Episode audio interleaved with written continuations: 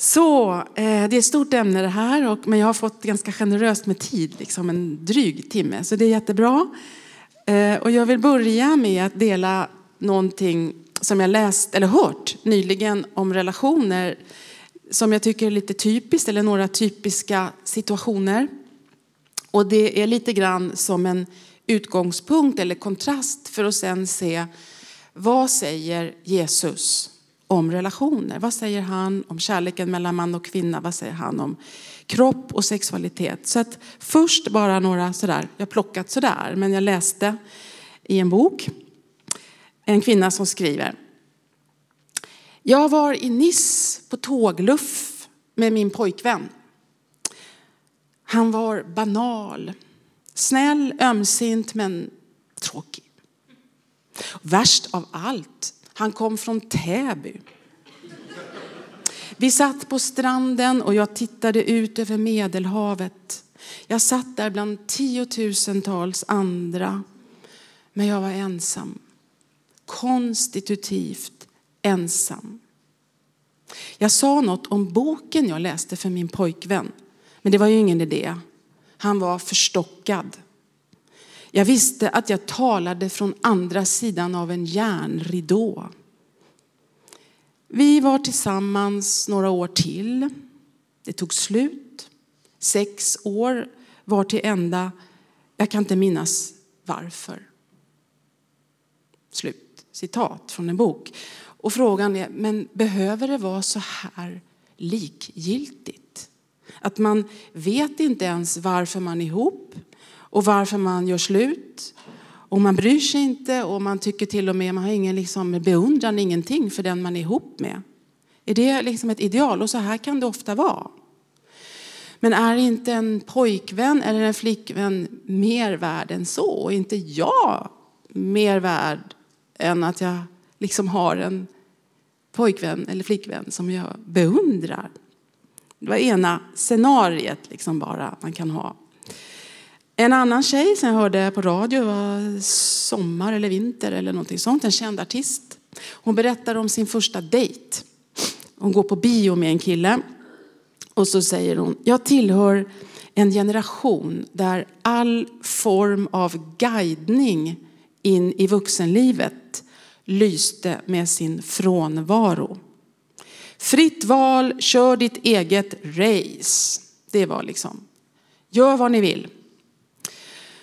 Och så säger hon så här, om det finns en, en utstakad väg, om det finns liksom några riktlinjer, då kan man ju åtminstone välja om man vill följa dem eller inte. Det blir liksom lättare om man har någonting att ta spjärn emot, inte bara ett enda stort vakuum liksom av gör vad som helst. Och så säger hon, så känner jag när jag sitter bredvid Robert i biosalongen i ett vakuum där jag förstår, något ska hända, men jag vet inte vad och inte när och inte hur. Så då är också frågan, behöver det vara så här osäkert? Att man måste liksom leva upp till förväntningar som man liksom inte vet. Vad är det för någonting? Hur ska jag passa in? Vad förväntas av mig? Eh, man förstår inte, man, man känner inte inifrån att det här är det jag vill. Utan jag försöker passa in i ett mönster för att vara som alla andra. Så antingen är det då, gör vad som helst, liksom, eller gör ingenting. Allt är förbjudet. Är det, är det de enda alternativen? Vad säger Jesus? Det är det nu vi kommer in på. Har han någon guidning för er in i vuxenlivet? Mer än liksom förbud. Så. Jesus är ju vägen, sanningen och livet. Han är vägen. Vad, vad är det för väg han erbjuder oss när det gäller relationer? Och då går vi till Bibeln, det är där han talar. Och eh, det kanske verkar som att det finns inte så mycket tydliga saker för ungdomar där. Så det är det vi ska försöka skrapa fram, eller inte bara för ungdomar nu, men främst. Och den texten som jag först går på, det är Matteus 19 när några skriftlärda kommer till Jesus och frågar honom om någonting som har att göra med kärleksrelationer. Nämligen, är det tillåtet att skilja sig från sin hustru? Och då ger Jesus ett svar som innehåller nycklar. Nycklar för er. Det kanske inte är så lätt att förstå med en gång, men vi ska försöka förklara och gå djupt in i vad allt det här betyder och att det liksom har en eh, aktualitet här och nu. Så Jesus svarar på den här frågan. Han säger inte liksom ja, det är förbjudet eller nej, det är tillåtet, utan han kommer med en, det handlar om vem vi är. Har ni inte läst, säger han, att skaparen i begynnelsen gjorde dem till man och kvinna. Och därför skall en man lämna sin far och sin mor för att leva med sin hustru. Och de två ska bli ett kött. Vad Gud har fogat samman får människan alltså inte skilja åt. Ni känner säkert igen den här texten. Och det första man liksom tänkte, det kommer han här nu med förbud. Och, och, och lärjungarna som hörde det här också sa ju sen att då är det lika bra att inte gifta sig. Därför redan på den tiden var det väldigt svårt för man och kvinna att hålla ihop och, och verkligen vara i harmoni. Men det Jesus säger först och främst det är ju att det är Gud själv som förenar, som fogar samman man och kvinna till ett kött. Och det är ganska starkt. Det betyder att Gud har någonting med sexualiteten att göra. Det är liksom inte usch, fy, synd, bort. Utan det är någonting väldigt välsignat. Men det är inte någonting enbart kroppsligt då om Gud är med. Eller hur? Det är någonting som händer i en sån handling när en man och en kvinna blir ett kött. Det är någonting mer än bara kroppslig mekanik. Det går väldigt djupt. Och Jesus citerar de allra första kapitlen i Bibeln, kapitel 1, det är skapelseberättelsen, kapitel 1 men också kapitel 2 och 3. Det finns två versioner i, i första Moseboken. Ehm, men det, det går tillbaka till paradisets lustgård där allting var i harmoni mellan man och kvinna. Alltså det är före syndafallet som Jesus liksom knyter an. Och det betyder att han menar att de här gamla texterna som skrevs för idag, ja, vad blir det, 3000 år sedan kanske, någonting sånt. Att de texterna säger någonting avgörande om vem du är idag. För Jesus sätter upp tillståndet i paradiset som en norm för oss. I begynnelsen var det så här och därför gäller det här och det här och det här nu för dig. Och på så sätt så avslöjar Jesus att det finns ett band mellan vårt tillstånd här och nu i världen där mycket är trasigt, svårt och förvirrat i relationerna mellan man och kvinna. Ett ursprung i begynnelsen där allting är oförstört. Det finns ett band kvar till det i oss före syndafallet. Där man och kvinna var i harmoni med varandra, helt i harmoni. Och det är en harmoni som vi längtar efter väldigt starkt, väldigt djupt.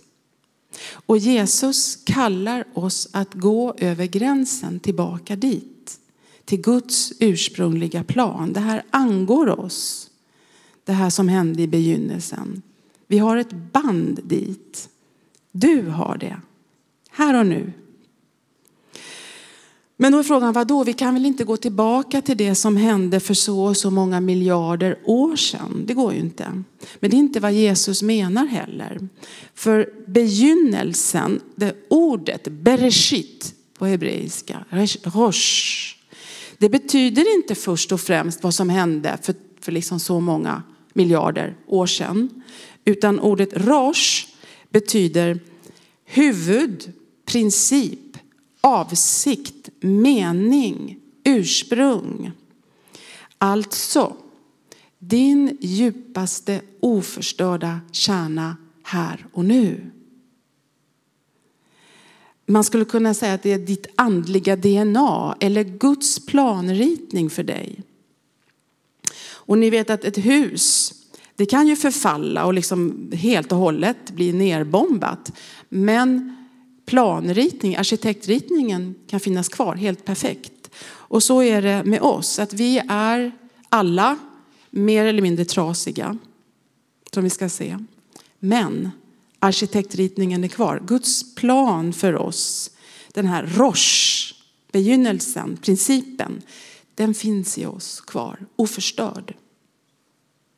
Så Jesus vill föra man och kvinna tillbaka till den här harmonin. Det är på något sätt de här orden som låter bara som ett strängt förbud. Det är ett löfte. För Jesus skulle inte kunna kräva någonting som var omöjligt. Det vore väldigt grymt. Bibeln, som ni vet, i alla fall de här första kapitlen i Bibeln, det är ju ett symboliskt, mytiskt språk för att beskriva människans plats i världen och vem människan är. Första kapitlet är ju dag ett och dag två och dag tre och så vidare. Och andra kapitlet är det en trädgård. Och det betyder inte att det gick till exakt så här vetenskapligt. Eh, I sådana fall så skulle liksom Big Bang ha överbevisat Bibeln för länge sedan. Men människan, du, är ett mysterium. Ett stort mysterium. Svårt att förstå oss själva. Och ett mysterium kan man bara beskriva med symboler, symbolspråk. Det går liksom inte att göra matematik av en människa. Jag tar ett exempel för att visa på olika språk. Om du ska beskriva ögonen hos någon du älskar, det kan vara en flickvän, det kan vara ett litet barn eh, eller en pojkvän. Då kan man säga att eh, då kan man tala om ögonen som en djup brunn eller som en vårbäck eller en strålande sol och så vidare. Eh, samma ögon kan ju beskrivas av en läkare som då talar om pupillen, hornhinnan och, och, och sådana saker, gula kroppen, eller inte det, men i alla fall olika liksom, fysiologiska egenskaper. Och då är frågan, vems beskrivning är mest sann? Är det som solen som strålar eller är det pupill och hornhinna? Vem känner människan bäst? Är det läkaren eller är det den som älskar? Det här är två olika språk. Och Bibeln, Bibelns författare, de känner människan på ett helt annat sätt än arkeologen, biologen eller vad det nu kan vara för någon, eller läkaren så att säga, historikern, vetenskapsmannen. Så det här är djupa sanningar, inspirerade av den helige ande, de här texterna. Som, ehm, om vi ska tro på Jesu ord så säger de någonting här om oss själva. Så det är helande ord eftersom sanningen gör oss fria. Vi helas genom att ta till oss Guds sanning om vem vi verkligen är. Så vi behöver bli friare än den här tjejen på biosalongen. Som inte visste liksom vad hon skulle göra och som inte hade kontakt med vad hon själv ville och vad, vad kanske tanken är med så säga, den erotiska kraften och, och förälskelsen och allting som, som, som finns i oss och som är någonting gott som kommer från Gud. Eh, vi kommer också, om vi tar till oss de här sanningarna, att värdesätta oss själva mycket mer än den här tjejen på stranden som på något sätt kastar bort sex år av sitt liv till någon som hon inte brydde sig om. Bara sådär, man är ihop liksom. Så, vad säger då de här gamla texterna, de här hebreiska orden om din identitet idag? Eh, då tar jag några. Och det här är alltså, allt det här handlar om före syndafallet och det är liksom det djupaste i oss som är oförstört. Vi är inte liksom helt igenom fördärvade. Och i kapitel 1 då, om ni kommer ihåg med de här dagarna, dag ett, det blev afton, det blev morgon, det var första dagen och det var gott och så kommer det ljuset och vattnet och djuren. Och, och människan kommer in sist på scenen, alltså dag sex, som kronan på verket. Skapad till Guds avbild, till man och kvinna. Och biologin säger till oss att människan liknar ett djur. Och det bekräftar Bibeln i den här texten på sitt eget sätt. Att människan är del i en liksom kedja av skapande och kommer sist i en lång kedja, en evolutionär kedja av utveckling från liksom mer primitivt till mera högtstående. Så det är sant. Men, så vi är en del av den skapade biologiska världen, absolut. Men vi liknar inte något annat djur. Vi liknar Gud. Vi har en kropp som djuren. Men vi står upprätta med en förmåga att vända oss mot himlen. Vi går inte liksom böjda hela tiden och bara käkar så att säga. Vi finns inte bara till för att äta och föröka oss. Vår identitet går inte att finna bara i det synliga och materiella. Människa på hebreiska heter, det vet ni kanske, Adam eller Adam uttalas det. Och denne Adam skapas maskulin och feminin. Alltså Adam är både och. och maskulin heter Zachar och feminin Nekva. Och den sexuella skillnaden lyfts fram här som någonting viktigt. Men när det handlade om djuren innan, fåglar eller reptiler och ormar eller alla, alla möjliga djur, boskap, så står det ingenting om att de skapades till hane och hona. Så med andra ord så finns det ett samband mellan att vi är lika Gud och att vi skapade till man och kvinna. Så den mänskliga sexualiteten, vi är inte bara hane och hona. Vi är något mer.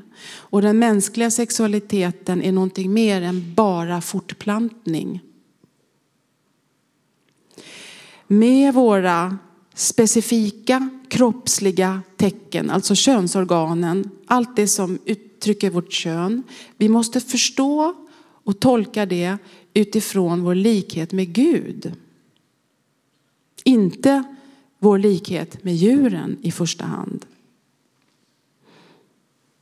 Så det blir en väldig revolution om man har tänkt hela tiden att allt som har med kroppsligt det är liksom synd och förbjudet och ska liksom snörpras eller begränsas.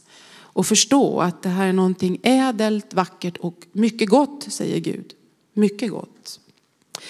Eh, det här är en mening nu som är ett citat av påven Johannes Paulus den andre. För att om jag, det jag står och säger här nu är väldigt mycket inspirerat av denne påve. Det är hans, han som har skrivit kroppens teologi från början. Och det här sammanfattar vad hela egentligen läran, det är en kompakt mening. Människokroppen har skapats för att avslöja det mysterium som var fördolt hos Gud i all evighet och bli dess synliga tecken. Kroppen avslöjar det andliga och det gudomliga. Slutcitat. Så vad betyder det att vår kropp har del i avbilden? Vi tänker ofta att avbild har med vår vilja att göra, vårt intellekt och sådana saker. Ja, det är sant. Men hela kroppen, hela människan är skapad till Guds avbild. Så först och främst när det gäller din kropp, och det är det allra första, och får du in det så är det redan en väldigt stor sak som kan förändra ett helt liv. Att din kropp är personlig.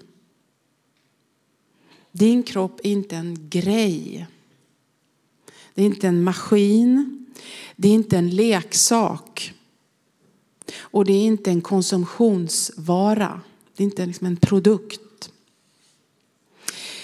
Din kropp är inte en symbol för vem du är. Ungefär som en vägskylt som pekar mot en stad. Din kropp är du. Den visar vem du är. Så när någon tar din hand, då är det liksom inte bara handen som berörs, utan du berörs.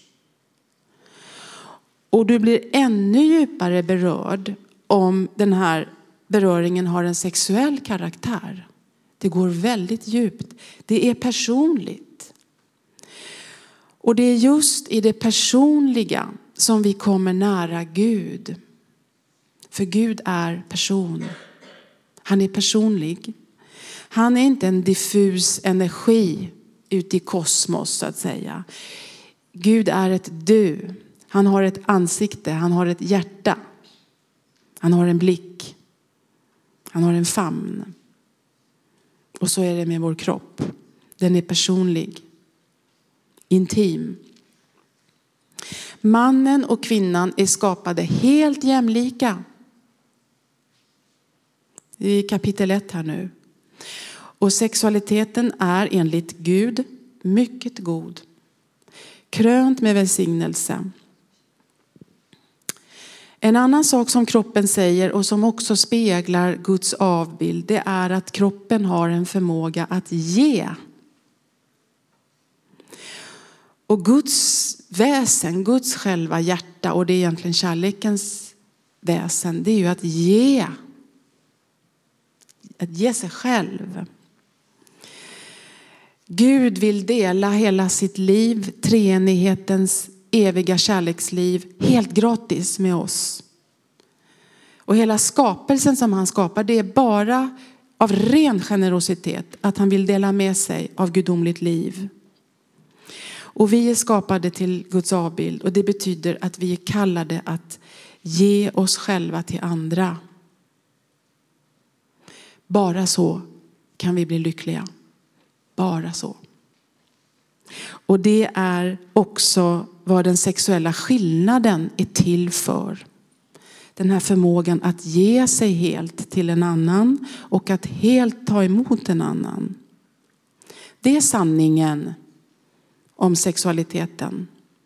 Den rena gåvan av mig själv. Och Jesus visar faktiskt vägen.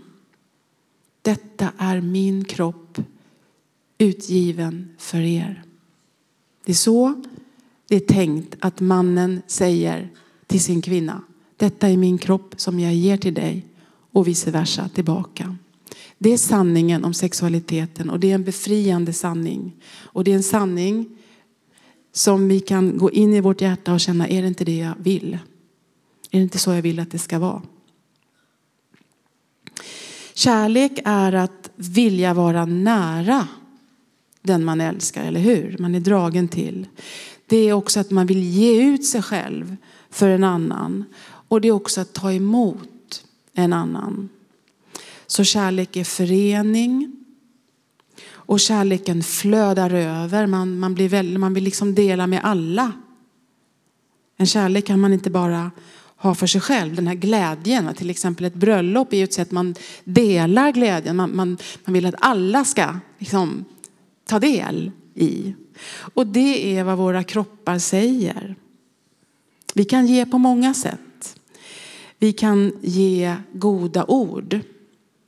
Det är redan kärlek. Och det, kan, det är skapande, precis som Gud skapar med sitt ord. Vi kan lyssna på en annan människa, ge tid att lyssna. Och det är kärlek, det är att ge tid. Vi kan tjäna på väldigt många olika sätt, konkret, eh, bygga ett hus till fattiga, ta hand om sjuka, allt möjligt. Alla tjänster vi gör med vår kropp, det, det är också Eh, att ge. Och det är vad kroppen kan göra. Med våra händer kan vi ge ömhet. Mm. Och mannen och kvinnan, man kan säga att man och kvinna förkroppsligar kärlekens väsen, förkroppsligar Guds kärlek på olika sätt. Våra kroppar är faktiskt ganska olika. Eh, att gå ut ur sig själv, liksom bara för en annans skull, rädda. Att lägga ner sitt liv för en annans skull. Det är vad den maskulina kroppen säger med sin styrka. Och det speglar någonting gudomligt. Det är just det här. Min kropp som jag ger ut för dig. Ingen tar mitt liv ifrån er utan jag ger det av fri vilja, säger Jesus. Det är den maskulina kroppen. Sen finns det också i kärleken lika viktigt då att ta emot, att välkomna villkorslöst allt hos den andra. Jag tar emot dig, hela dig, med allt vad du är. Du behöver inte maskera dina svagheter. Det är precis hela dig som jag tar emot. Och det är vad den feminina kroppen talar och säger. Den är liksom mjuk och öppen. Den har en öppning. Och det speglar lika mycket någonting gudomligt. Till exempel Jesu ord här. Ingen kan komma till mig utan att Fadern drar honom. Eller den som kommer till mig ska jag inte visa bort.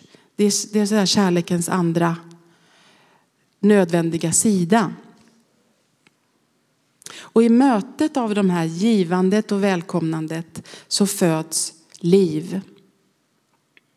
Jag har kommit för att ge liv och liv i överflöd. Allt det här är den mänskliga sexualiteten.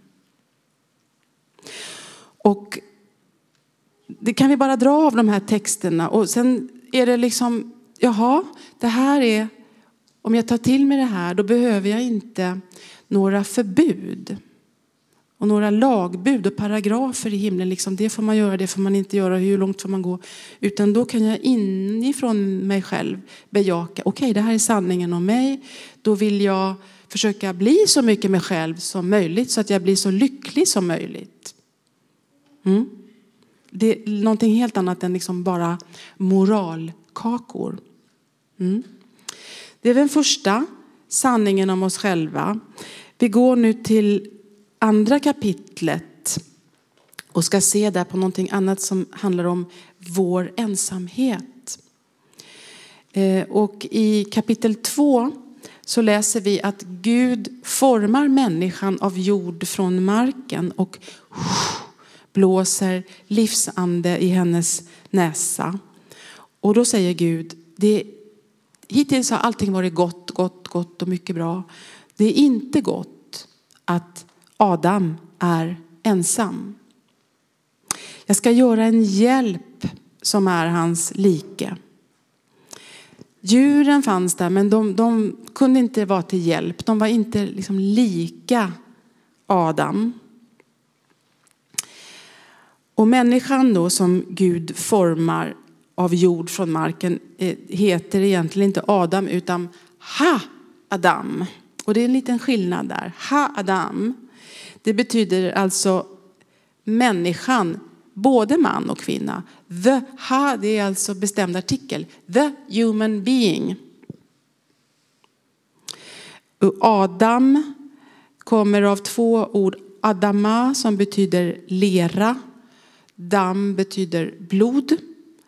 Eh, så det här är människan, jordgubben kan man säga, eh, som vi är. Vi är, vi är stoft, vi är kropp. Och, och människan blir man, ish, först när kvinnan, isha, skapas. Och det är lite senare i det här kapitlet.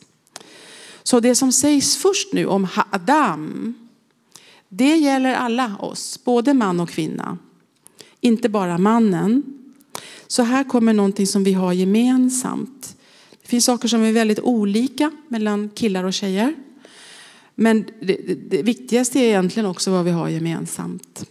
Och det är inte gott att människan är ensam. Det, det här är en ensamhet som alltså inte bara handlar om att mannen längtar efter en kvinna. Utan det finns en ensamhet i era hjärtan som är på något sätt inskriven i vår natur. Människan kan ge namn åt saker och ting. Det vill säga, vi har fått ett förnuft. Vi kan förstå tingens väsen, vi kan utforska och så vidare. Så vi har en förmåga till kunskap som djuren inte har. Och på så sätt blir vi med, vi kan liksom börja tänka om oss själva. Vi blir medvetna om oss själva på ett sätt som djuren inte är. Men ni kan tänka, vem är jag? Men en krokodil kan inte tänka, hur ska jag förverkliga mig själv som krokodil? Men det kan vi och vi måste göra det. Ett djur kan inte heller välja vem det vill para sig med. Utan det blir första bästa. Eller den starkaste som vinner. Men vi kan välja. Och det är precis det som gör att vi kan älska. Vilket djuren inte kan. Så det är en väldigt stor skillnad på att säga till någon jag väljer dig. Och att säga jag känner för dig eller jag är förälskad i dig. Eller något grövre uttryck, jag är tänd på dig. Eller så. Och det är den viljan som gör att vi kan älska. Det gör också att vi har den här förnuftet, den här förmågan att känna. Att vi kan känna en annan människa. Och vi kan bli kända av en annan människa. Och det är de här sakerna nu, alltså att välja och att känna. Det är det som gör oss lika Gud. Till skillnad från djuren.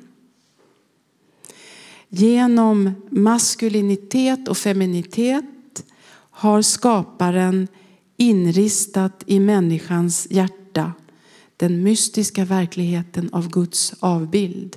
Det är väldigt stort. Så det är väldigt synd om man så att säga, banaliserar relationer. Människan i den här texten, då, kapitel 2, blir medveten om en sorts kosmisk ensamhet. Inte bara därför att det finns ingen kvinna, utan därför att jag är en fri och medveten varelse. Det är det vi har gemensamt, män och kvinnor.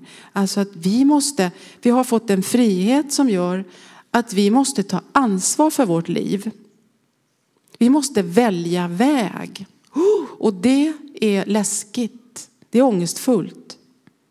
Ingen annan kan så att säga, ta ansvaret för mitt liv. Så jag kan inte hänga upp hela mitt liv på en annan människa och tro att liksom bara jag träffar den rätte så ska allt bli bra. Det räcker inte med det, att hitta så att säga the one and only för att bli lycklig i alla sina dagar. Vi måste liksom möta den här ensamheten som inte någon annan människa kan fylla. För då blir den människan en avgud. Att kvinnan, det vet ni säkert, hon skapas av mannens revben. Och det är ett symboliskt sätt Det här är ju inte historiskt, det har inte gått till så. Men att, för att säga att man och kvinna är skapade av samma natur. Vi är jämlika, samma stoft så att säga. Och i kvinnan så kan mannen äntligen känna igen sig. Han säger hon är ben av mina ben och kött av mitt kött. Det betyder nu ser jag en kropp som är en person. Han hade ju sett alla djuren och liksom, det var ingen som var en person. Han kunde inte kommunicera. Men nu kommer någon som jag kan kommunicera med. Men kvinnan kommer sist och ibland har det eh, tolkats som att hon är på så här mindre värd. Mannen kommer först, han är bäst och störst och så kommer kvinnan som eh, tjänst, som en tjänsteflicka så att säga. Men det är precis tvärtom egentligen. Att den som kommer sist är fullbordan, kronan på verket. Precis som människan kom sist i kapitel 1 efter alla djuren som kronan på verket. Och nu kommer eh, kvinnan sist som på något sätt Guds eh, finaste skapelse. Det är lite samma, i den här kyrkan har ni inga tror jag, processioner med biskopar och liksom den liturgiska traditionen som katoliker har. Men i, i katolska sammanhang och ortodoxa också, då kommer ju alltid den förnämsta personen sist. Biskopen går in sist. Så det är samma här. Att det betyder definitivt inte att kvinnan är mindre värd eller att hon är underordnad. Det säger inte Bibeln. Vi ska se sen varför det blir så. Kvinnan skulle ändå vara en hjälp. Vad betyder då det? Det hebreiska ordet är ezer, ezer. Och det finns lite överallt i Bibeln och på alla andra ställen i Bibeln så är det någonting som Gud är. Gud är ezer. Till exempel i psalm, vilken psalm det nu är. Jag ser upp emot bergen. Varifrån ska jag få hjälp? Ezer. Hjälpen kommer från Herren som har skapat himmel och jord. Så att eh, om kvinnan är Ezer så är det en, att hon är en gudomlig hjälpare som gör att Adam nu äntligen kan hitta sig själv genom att ge sig själv till henne. Och i den glädjen att äntligen få ge sig, som är vårt livs mening, så återspeglas Guds egen härlighet. Nu förstår Adam till vems avbild han är skapad. Det är genom att leva i ömsesidighet. Det är så vi förverkligar Guds avbild. Så finner vi oss själva genom att öppna oss för andra. Och det är så kvinnan är en hjälpare för mannen och mannen för kvinnan. Och det är i den här ömsesidigheten som vi speglar den djupa gemenskapen i den heliga treenigheten. Så det här kan få oss nu att tro att bara de som gifter sig förverkligar Guds avbild fullt ut. Men vi vet att vi, vårt liv har ett högre mål än att så att säga gifta oss, bilda familj och leva lyckliga i alla våra dagar. Den här föreningen mellan man och kvinna, det är ett tecken som ska få oss att förstå någonting ännu större, en ännu större kärlek som är hela livets slutmål, som är ditt livs mål och som är det enda som kan fylla hjärtat fullt ut i all evighet. Nämligen att Gud vill förena sig med varje människa som en brudgum med sin brud. När Jesus, eh, Jesus kallar sig själv för brudgum, jag vet inte om vi ofta liksom tar till oss det, att han är brudgummen. Och i Kana gör han sitt allra första tecken för att, så att säga, tala om vad det är allt går ut på. Och där agerar han brudgum när han eh, bjuder på det bästa vinet. Det var brudgummens roll. Och så avslöjar han vad hela syftet med hans mission är. Allt Jesus har kommit för, det är att bjuda oss till en himmelsk bröllopsfest. Vi är kallade till Lammets bröllop som är en helt ofattbar evig bröllopsfest. Där vi förenas med Gud, kropp och själ, på ett sätt som vi inte kan fatta och föreställa oss. Men därför har vi fått det här tecknet som är äktenskapet, som är en bild. Så att vi ska kunna ana någonting av vart vi är på väg. Jag tror att bröllopet är kanske den liksom starkaste symbolen för glädje som vi har som människor. Och ändå är det bara en svag, svag, svag, svag skugga av det som vi kommer att få. Så vi ska inte förväxla tecknet, det här tecknet vi har fått med verkligheten själv som är livets slutmål. Så äktenskapet är en väg att gå mot himmelriket och det för, kan vara en försmak av himmelriket. Men det är inte himmelriket. Det upptäcker man ganska fort när man har gift sig. Och det finns många andra vägar att gå dit. Det viktiga är att ge sig själv. Jag till exempel som lever ett gudsvikt liv har gett hela mitt liv till Gud. Och det är ett annat sätt att förverkliga kroppens kallelse att ge sig totalt. Och det ger, som jag redan sa här, eh, samma glädje, eller ja, på djupet samma glädje. Så det handlar då om den här ensamheten och att vara gåva. Eh, det finns också någonting annat med före syndafallet och det är den ursprungliga nakenheten. Att mannen och kvinnan var nakna och de kände ingen blygsel inför varandra. Det fanns ingen skam här. Ingen rädsla för den andres blick. Mannen och kvinnan behöver inget försvar för varandra. De kunde se på varandra, känna igen varandra i vars och ens djupaste sanning som person. Jag ser dig. Jag ser inte bara en kropp som attraherar mig. Jag ser dig. Jag ser ditt hjärta. Men som, syn, som blir synlig genom kroppen. Så mannen och kvinnan känner en längtan, en attraktion till den här vackra själen. Men de känner inte begär, som jag ska förklara sen vad det är, som gör att man måste dölja kroppen. Dölja de kroppsdelar som speciellt kallar till självutgivelse. De behöver inte skydda sig mot den andra för det finns ingenting hos den här mannen eller kvinnan som vill gripa och ta och utnyttja. Så där, där kan man tänka sig liksom en paus, om vi hade gjort en paus, då är det här. Därför att nu har vi försökt få fram några sanningar om hur det var i begynnelsen och som alltså är er en sanning som gäller för oss alla fortfarande. Men någonting gick sönder. För så här är det ju inte.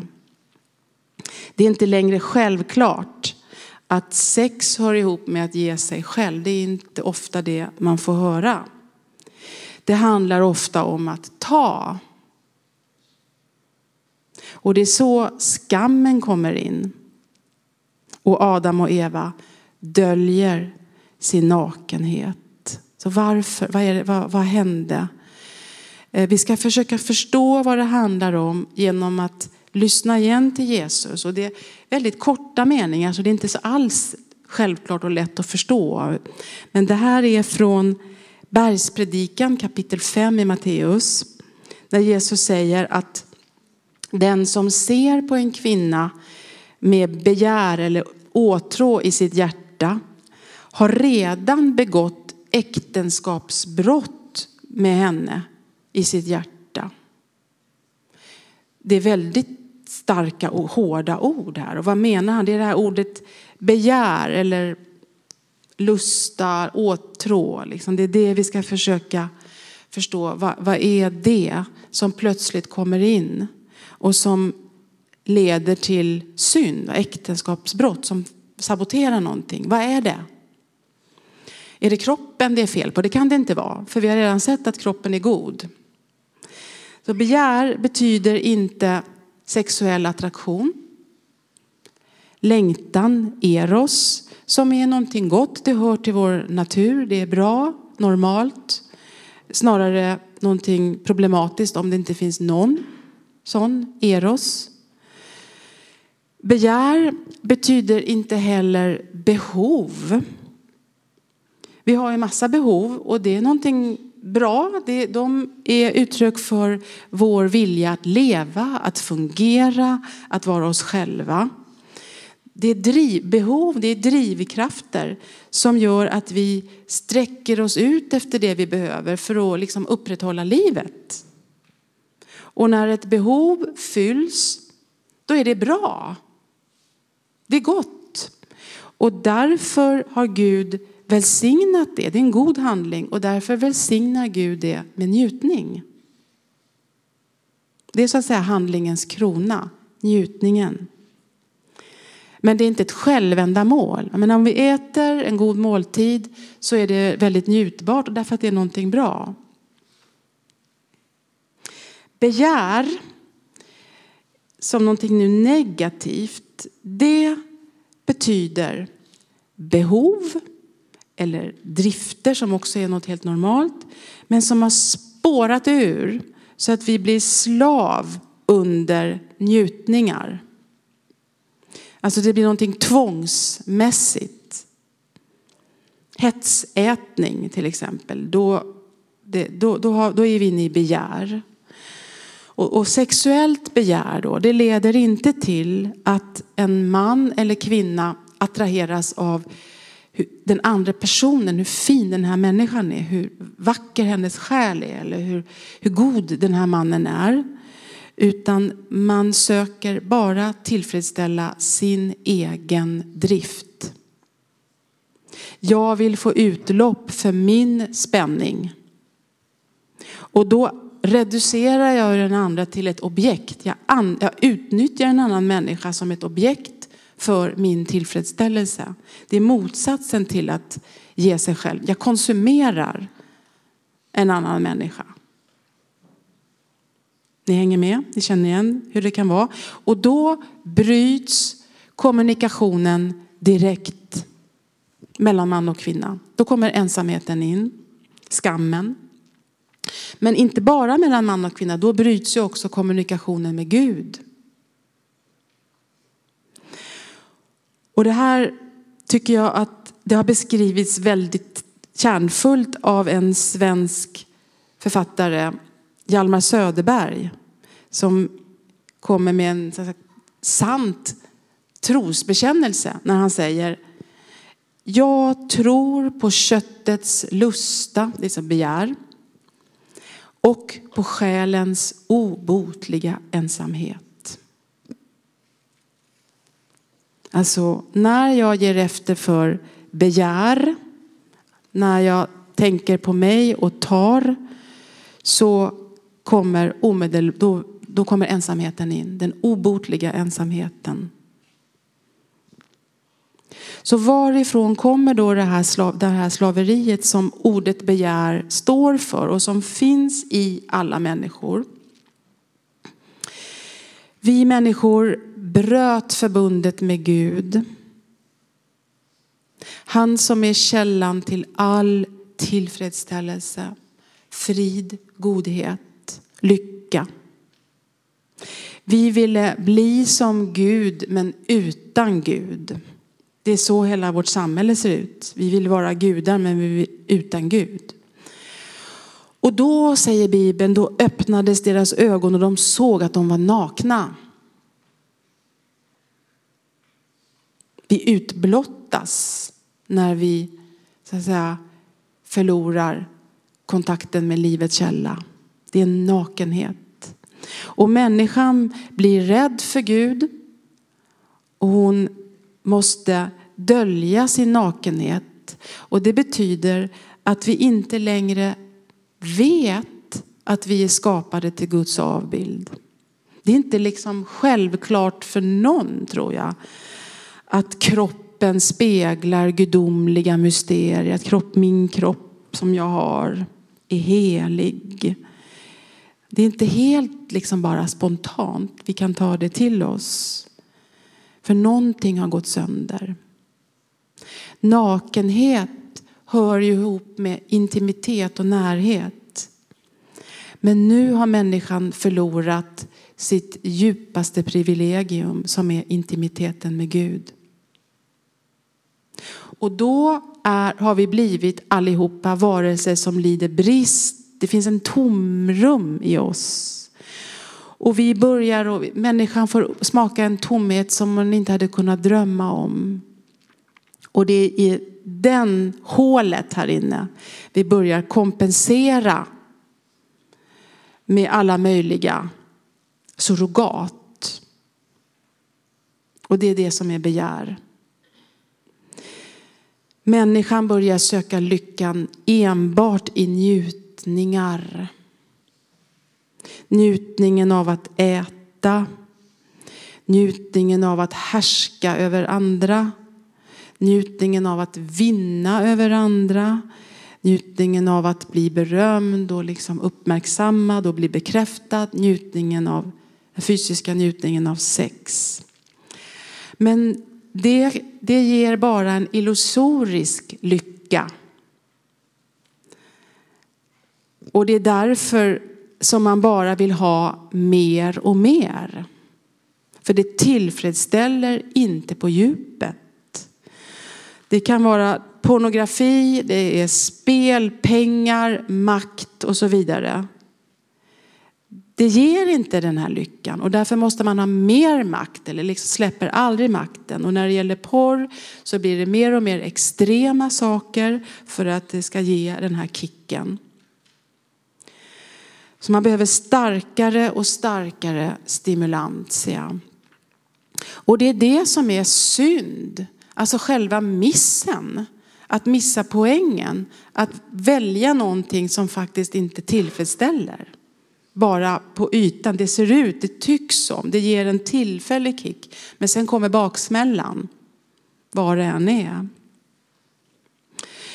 Så mannen och kvinnan döljer nu de kroppsdelarna som särskilt talar om att ge sig själv. Därför att de känner att den andres blick kan reducera mig till ett djur eller ett objekt. Men vi vill inte bli sedda som ett djur i en flock, eller hur? Det är därför liksom vi eh, spontant döljer våra mest intima och privata kroppsdelar. Så skammen kommer inte av kroppen i sig, som inte är skamfull. Skammen kommer inte av sexualiteten, utan det går tillbaka till den här tomheten i vår själ eller vår ande. Det är där här problemet sitter. Och det som sker när människan då bryter med Gud, det är ju att också enheten bryts. Och Gud säger så här till kvinnan. Din man skall du åtrå och han ska råda över dig. Här kommer nu dominansen in. Och det här är inte ett straff som Gud kommer med. Ja, ni har inte lydit, okej, okay, då, då får ni det här straffet. Det här är snarare bara en diagnos, det här är en konsekvens, en logisk konsekvens när vi sa ja, nej till Gud. Så man får absolut inte tolka den här texten som tyvärr har gjorts som ett alibi för att mannen ska på något sätt härska över kvinnan. Det står i Bibeln. Nej, det är en grov feltolkning. Men mannen får en tendens nu att dominera kvinnan. Att utnyttja henne som ett objekt för sitt eget begär. Och då känner sig kvinnan som en utnyttjad sak. Och det leder till skam. Men kvinnan kan också utnyttja mannen. Vi är lika skadade, men vi, vi, det tar sig olika uttryck. En kvinna, hon, din man skall du åtrå, står det Det betyder inte då den här goda attraktionen som är fin. Det är fint att det finns eros. Det finns attraktion.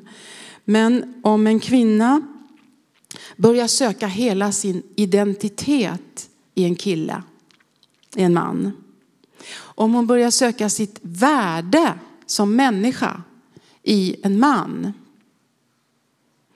Ge mig bekräftelse på att jag är värd. Nu har jag en kille, nu är jag någon. Och ju liksom snyggare kille man har eller rikare eller framgångsrik, ju mer värd är jag. Det är inte att ge sig själv. Det är på något sätt att också utnyttja, lite mer subtilt. Men om kvinnan kräver av en man, gör mig lycklig, så är det inte att ge sig själv. Så kvinnor kan på andra sätt utnyttja också. Och här är ett citat av en skådespelerska som jag också hörde på radio. Några ord bara när hon talade om sitt livs största kärlek. Men som jag inte skulle kalla stor kärlek. Då sa hon så här.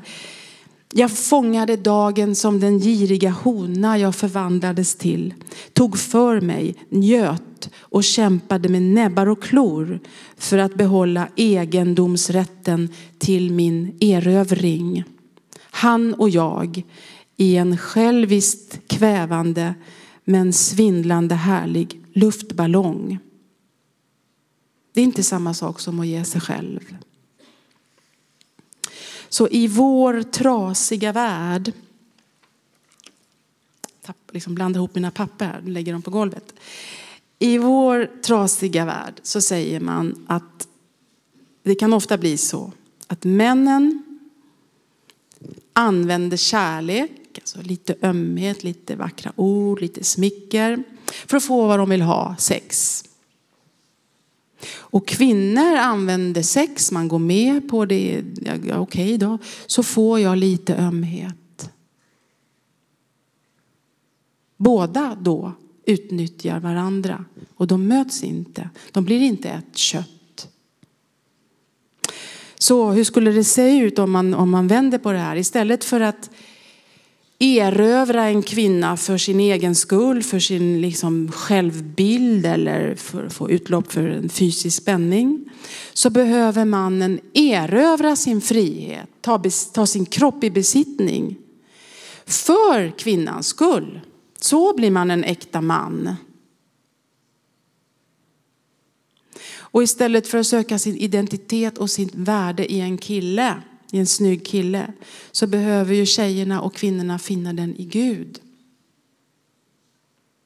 Att hitta en egen kallelse, att hitta min väg, mitt värde som Guds barn. Så att vi inte blir, vi kvinnor, helt beroende av en man.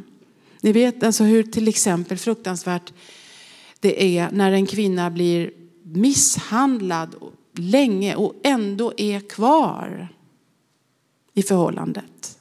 Därför att hon har ingen egen trygghet. Så det, det måste vi få för att kunna älska på ett rätt sätt så att det liksom inte blir det här beroendeförhållandet. Och då måste vi fylla vårt inre tomrum på rätt sätt med, med Jesus själv. Och då kan vi ge oss för en annans skull. Så vi både man och kvinna, vi måste hitta tillbaka till vår identitet i Gud och, och räta upp oss och börja lyssna och lyda igen. Lita på. Den här positionen vi hade före syndafallet. Att lyssna och lyda. Det är så vi blir fria. Och så blir också Gud verklig för oss. När vi börjar lyda. Så får mitt liv konsistens. Jag måste hitta det i mig själv först. Det tar lite tid att bli vuxen och mogen. Jag måste bli en personlighet innan jag kan ge mig själv. Och det är förklaringen varför eh, det inte bygger upp att ha sex, eller man är inte mogen att ha sex när man är 14 år eller 16 eller så vidare. Det tar tid. Det är inte för att det är förbjudet och fel och jag måste liksom först vara, vara gift för annars liksom är det ingen stämpel. Nej, jag är inte mogen. Och då kan jag välja själv. Jag kan fatta att det blir inte bra. Att öppna upp så att säga, min själ som inte är klar än, som inte är formad, som inte är fri. Ta tid. I begynnelsen var man och kvinna fyllda av Guds kärlek. Men de tvivlade på Gud. Och då förlorade de allting. Så om roten till det onda var otro så måste ju lösningen vara nu tro. Jesus ger oss tillbaka den här intimiteten med Gud. Vår kropp har blivit den helige andes tempel. Ni som har blivit döpta i Kristus, ni har iklätt er Kristus. Kristus är den nya människan. I honom får vi begynnelsens oskuld på nytt. Han har gett den till oss. Så att förstå det och att förstå den här planen, Guds plan med man och kvinna som, som vi ser i de första kapitlerna. Det är helande, det är befriande. Paulus skriver, se till att ni förnyas i ande och förstånd och att ni klär er i den nya människan som har skapats efter Guds avbild. Så vi ska ikläda oss den nya människan. Vi har, det är möjligt. Så Kristus därför kan kalla oss till hjärtats renhet. Saliga de renhjärtade, de skall se Gud. Då ska vi se Gud också i den sexuella relationen med ett rent hjärta. Rent hjärta, ett annat ord för det är kyskhet. Och kyskhet, jag vet inte ens om ni liksom har någon association. Det är kanske så gammalt ord att det liksom inte finns på kartan. Men Eh, för de som ändå har hört det, då tänker man att det betyder att jag liksom, allt är förbjudet och jag får inte titta på snygga tjejer och så vidare. Men det är inte alls vad det betyder. Det betyder inte att jag ska vända bort blicken från en snygg tjej. Jag får inte se, liksom, det är synd. Jag måste förnya blicken. Jag måste få Jesu blick. Hur Jesus ser. Och då ser han ju inte bara en kropp. Han ser ett du, han ser en person. Det är så jag förnyar min blick. Att jag ser hur vacker den här människan är och hur värdefull. Och då kan jag få en helt annan attityd. Så det betyder inte att förneka kroppen och förtrycka kroppen, förtränga drifterna. Utan att förstå att min kropp är en plats för intimitet och gemenskap. Så det är någon, den här gemenskapen, det är ju någonting man måste bygga upp först. Och det är en väldig skillnad på att tillfredsställa behovet av gemenskap, vårt behov av gemenskap och djup kommunikation och att bara tillfredsställa en drift. Det kan vem som helst pröva. Och så kan man fritt välja vad är det jag vill. Vill jag ha en lycka som liksom kan djupna och, och, och bli större? Eller vill jag ha en kick som följs av tomhet och ångest och skam? Så ju mer man upptäcker, eller ni upptäcker, vad som verkligen ger lycka, vad, vad som får mig att må bra, nämligen gemenskap. Precis det som den här tjejen på stranden inte hade någonting av. Det var ju en järnridå mellan henne och den här killen. De hade inte gett någonting till varandra. Men ju lättare är det att gå mot förändring om jag, om jag liksom själv väljer att ja, men jag vill bli lycklig. Och till exempel, om jag, vilket är väldigt vanligt då, om vi börjar där vi står. Jag vill bli fri från porrberoende. Det är ju tyvärr så otroligt lättillgängligt att vem som helst kan ramla dit. Och då hjälper det inte om jag bara liksom inser att det här är synd, det här är fult, det här är usch, det är, jag är hemsk, jag är syndig, jag måste piska mig själv, jag hatar mig själv och jag kan inte sluta och så vidare. Det, det, det räcker inte. Utan jag måste börja fylla mina behov rätt. Alltså behovet av gemenskap eftersom porr ger noll gemenskap. Det är isolering. Så att till exempel gå till någon som jag litar på och tala om hur jag mår.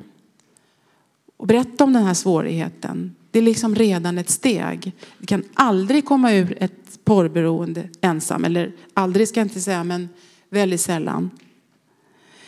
Men att visa sig sårbar, att vända sig utåt, att bry sig om andra, att, att, ja, sårbarheten, det kan hjälpa mig.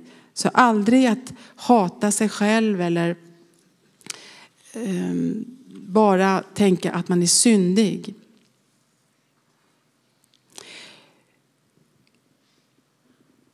Men kyskhet är alltså inte samma sak som avhållsamhet, att säga nej. Utan det har mer med integritet att göra, att jag vet mitt eget värde. Och då vet jag också andra människors värde och att jag inte kan utnyttja en annan människa för egna syften. För att liksom hitta mig själv. Jag hittar mig själv genom att pröva liksom olika typer av relationer. Det blir otänkbart om jag har en integritet.